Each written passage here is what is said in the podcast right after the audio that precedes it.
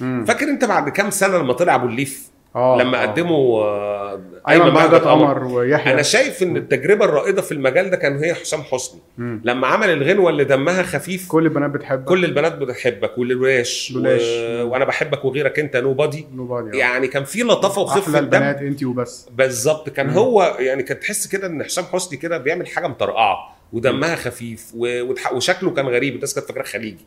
هو اتربى. في الكويت ودرس في الكويت وجه مصر وكان عامل فرقة في الكويت وهو. صغير وجا مصر كون فرقة هنا وهو من الناس اللي عندهم ثقافة موسيقية ده كبيرة طارق جدا طارق مدكور وزع للفرقة بتاعته كان نازلين ليهم شريط أصلا آه فرقة حسام حسني. آه لا، وحسام حسني كمان وزع بقى المطربين التانيين بغض النظر عن طبعا أغانيه لا هو وزع لعمرو دياب آه، آه. واحد من أهم أهم ألبوماته آه. اللي هو حبيبي حبيبي يا ملك. قلبي بالهوى اللي في فيها شغل اللي كان. فيها إيه بس اللي رماك مثلا الساكسفون المهم آه، اللي كان في أغنية. حبيبي وإيه بس اللي رماك آه واشتغل معاه في مع محي برضو. آه مع محي واشتغل وعمل له آيس كريم في جليم آيس كريم في جليم وزع له أغاني آيس كريم في جليم ولقوا. ومثل معاه في آه كريم في الألبوم. ده كان فيه بوب آه، يعني آيس كريم في جليم نفسها كأغنية أغنية متطوره جدا آه كبوب. طبعا. يعني ما كانتش سكسكة.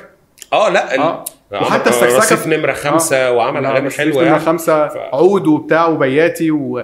و... وبرضه اللي هي هتمرد على الوضع الحالي. طبعا. هتمرد على الوضع الحالي دي برضه. فاكر ال solo ال sax اللي في الأول؟ آه. با- با- با- با- با- با- ما هو خلي بالك حسام. حسني بيعرف يلعب يعزف بيعرف يلعب على آلات الترومبيت نفخ آه. وآلات النفخ. وبعدين في حدوته حكاها لي حسام حسني بقى على شر... على آيس كريم في جليم تحديدا. وهم بيصوروا الفيلم ده.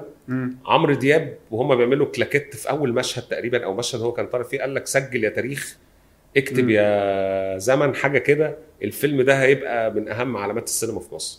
مم. وعلامات التسعينات كمان. وسبحان الله بعد كده شوف طبعا. وقتها الفيلم ما يعني نجح. هو نجح نجح بس انتقدوه وقعدوا. الناس تفهت بالتجربة شوية. شوف بقى بقى ايس كريم في جليم أيقونة. دلوقتي بقى يكون بقى أيقونة. وراح بعد كده اللطيف في الموضوع إيه بقى؟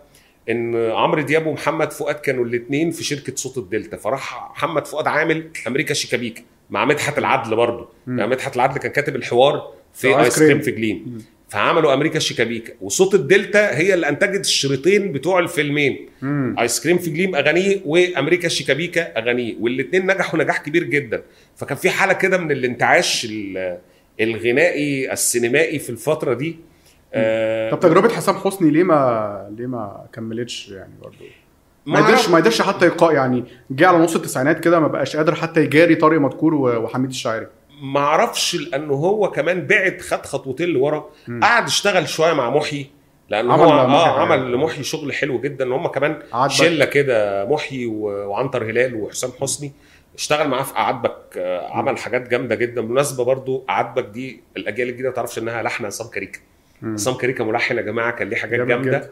امشي ورا كتبهم لدانا حداد أنا حداد آه، مش عارف هو وعمل يعني آه، جرح الحبيب لديانا حداد وعمل قعدبك لمحمد محي وهي عاملة إيه دلوقتي لعمرو دياب مم. يعني عصام كاريكا مش الشنكوتي اللي الناس آه، اختصرته في الفكرة بتاعت إنه هو وفي الحاجات اللذيذة برضه عمل آه. هم بيطلعوا إمتى. وهم بيطلعوا إمتى في الحاجات. غالي عمل شوية أغاني حلوة قوي عصام كاريكا يعني